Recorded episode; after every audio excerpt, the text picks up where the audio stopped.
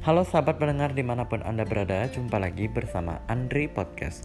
Pada podcast kali ini, saya akan sedikit membahas seputar pengenaan bea meterai untuk transaksi di bursa saham menurut Andri.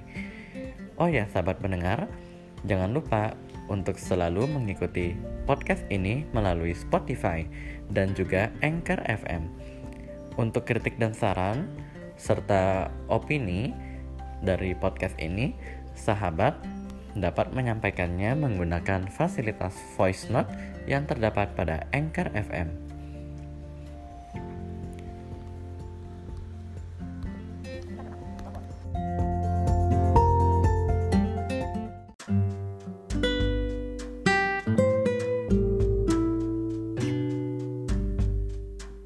Press release detail pemenuhan bea meterai atas transaksi surat berharga di bursa. Press Release PR No. 111 BSS PR 12 sampai 2020.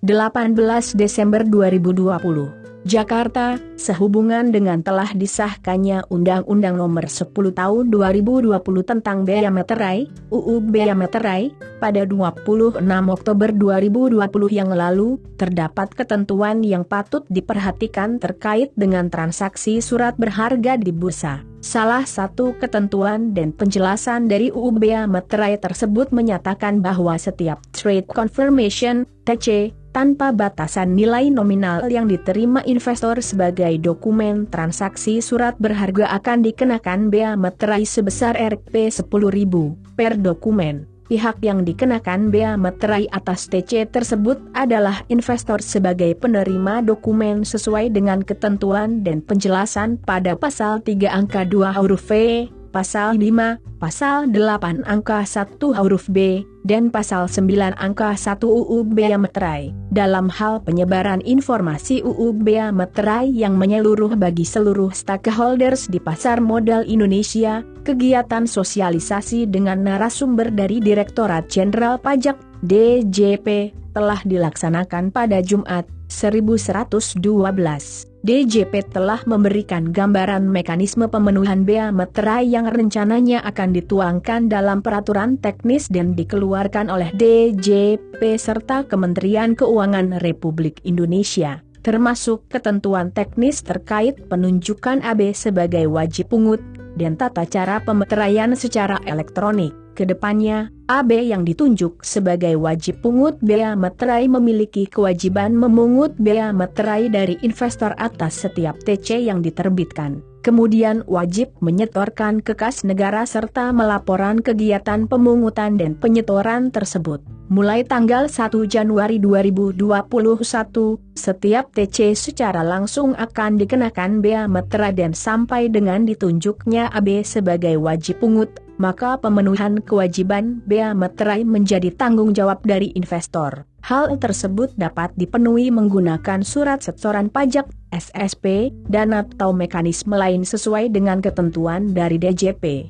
Meskipun demikian, Otoritas Jasa Keuangan, OJK, bersama dengan Self-Regulatory Organization, SRO, dan DJP terus berkoordinasi agar ketentuan teknis serta kebijakan implementasi UU Bea Meterai tetap sejalan dengan program pendalaman pasar yang saat ini telah efektif meningkatkan pertumbuhan jumlah dan aktivitas investor retail di bursa. Seluruh informasi terbaru terkait implementasi UU Bea Meterai akan disampaikan SRO kepada seluruh pelaku pasar modal, salah satunya melalui AB serta Asosiasi Perusahaan Efek Indonesia, API, agar dapat diteruskan kepada pihak-pihak terkait. Selain itu dengan pemberlakukan UU Bea Meterai ini, diharapkan tidak menyurutkan minat investor untuk melakukan investasi di pasar modal Indonesia regulator pasar modal Indonesia tetap akan terus melakukan penyesuaian dan koordinasi yang dibutuhkan agar tetap tercipta pasar yang teratur, wajar dan efisien. Demikian untuk diketahui publik. PH Sekretaris Perusahaan PT Bursa Efek Indonesia Valentina Simontel 0215150515 toll free 0800 100 9000 national fax 0215150330 email callcenter at idx.co.id website www.idx.co.id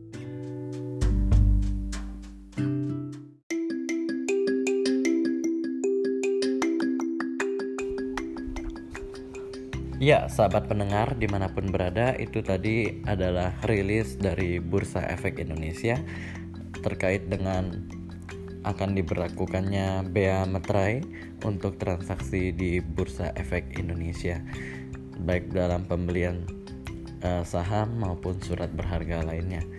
Ya, uh, sahabat pendengar, saya sempat membahas ini dengan teman saya secara pribadi beberapa bulan yang lalu. Waktu itu saya membaca uh, beritanya di CNBC Indonesia. Nah waktu itu di berita itu uh, transaksi akan dikenakan meterai itu sekitar di atas 5 juta rupiah ya. Tapi pada saat ini rilisnya tanpa batasan nilai gitu ya. Nah gimana sih pengenaan bea meterai ini menurut Andri sendiri kalau menurut saya, pengenaan biaya meterai ini sangat merugikan bagi investor retail dan juga pemula ya. Begitu juga dengan traders ya yang masih retail gitu ya. Kenapa merugikan? Karena gini ya. Ini pemikiran saya.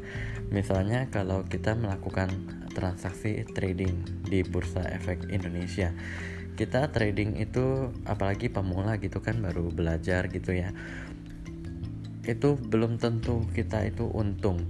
Dan modal dari kita retail itu kecil gitu ya.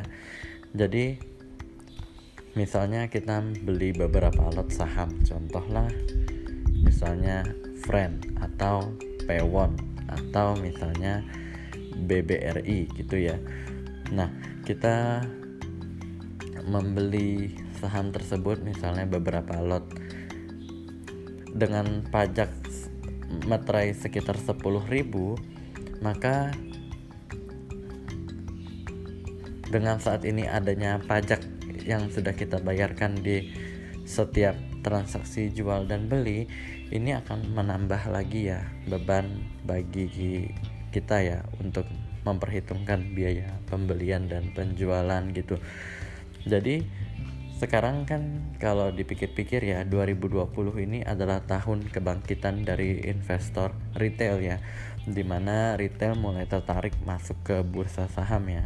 Fenomenanya tidak hanya di Indonesia tetapi di seluruh dunia gitu ya di mana ini kesadaran investasi sedang meningkat gitu ya jadi menurut saya pribadi seharusnya pemerintah membuat kebijakan yang justru mendorong kesadaran investasi dari masyarakat retail itu sendiri gitu ya dari masyarakat luas. Nah, kalau seandainya pengenaan bea materai ini betul-betul berlaku, maka kemungkinannya yang akan terjadi adalah turunnya minat dari investor retail ya. Yang biasanya mereka bisa trading mungkin lama-lama jadinya cuman beli sekali atau beli untuk di hold lama-lama aja gitu ya. Itu juga kan dengan transaksinya akan turun. Dengan transaksi turun otomatis penerimaan pajak pemerintah dari setiap fee transaksi yang kita bayarkan itu juga akan turun gitu kan. Nah kecuali kalau mau diberlakukan meterai menurut saya diberlakukanlah dengan batasan nominal pembelian yang cukup besar misalnya di atas 10 juta atau 100 juta gitu ya baru diberlakukan meterai karena kalau misalnya 10 juta atau 100 juta itu tentu persentase dari biaya meterai ini jadi nggak besar gitu ya. Jadinya masih fine fine aja gitu. Tapi kalau yang beli satu lot dua lot juga dikenakan biaya meterai maka ini akan sangat memberatkan bagi investor yang mau nabung saham ataupun bagi traders yang masih belajar kecil-kecilan.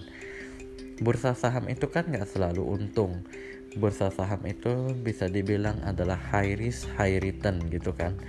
Jadi kalau seandainya kita udah loss ditambah dengan materai lagi itu kan memberatkan.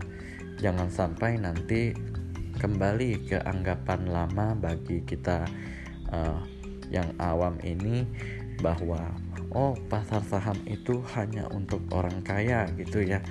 Jadi partisipasi masyarakat pun terhadap bursa itu menjadi apatis kembali. Nah, kita ini bisa dibilang investor lokalnya kan rendah gitu ya dibandingkan dengan negara-negara lain.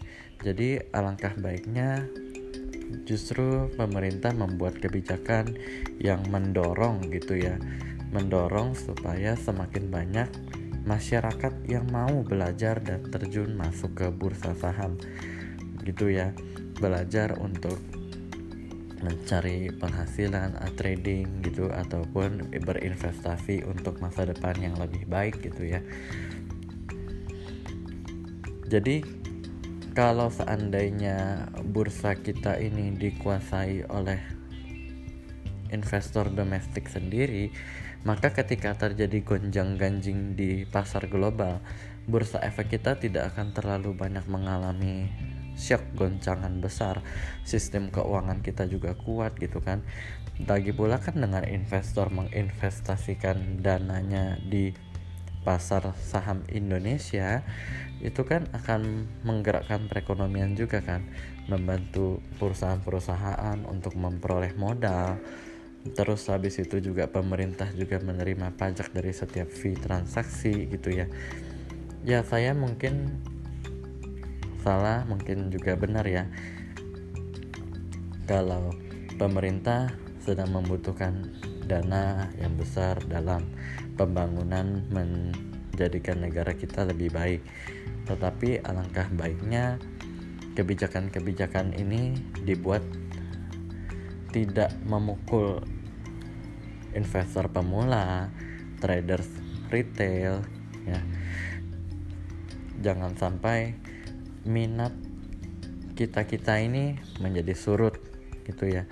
Kalau diperhatikan kan transaksi di Bursa Efek Indonesia akhir-akhir ini mulai besar ya, sekitar di atas 20 triliun.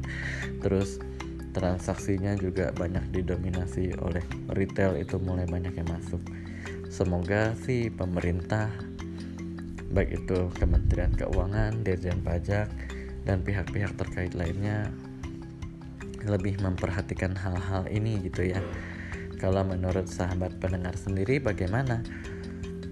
Ya, sahabat pendengar, demikian opini saya seputar pengenaan bea materai untuk transaksi saham. Semoga podcast ini bermanfaat untuk sahabat pendengar.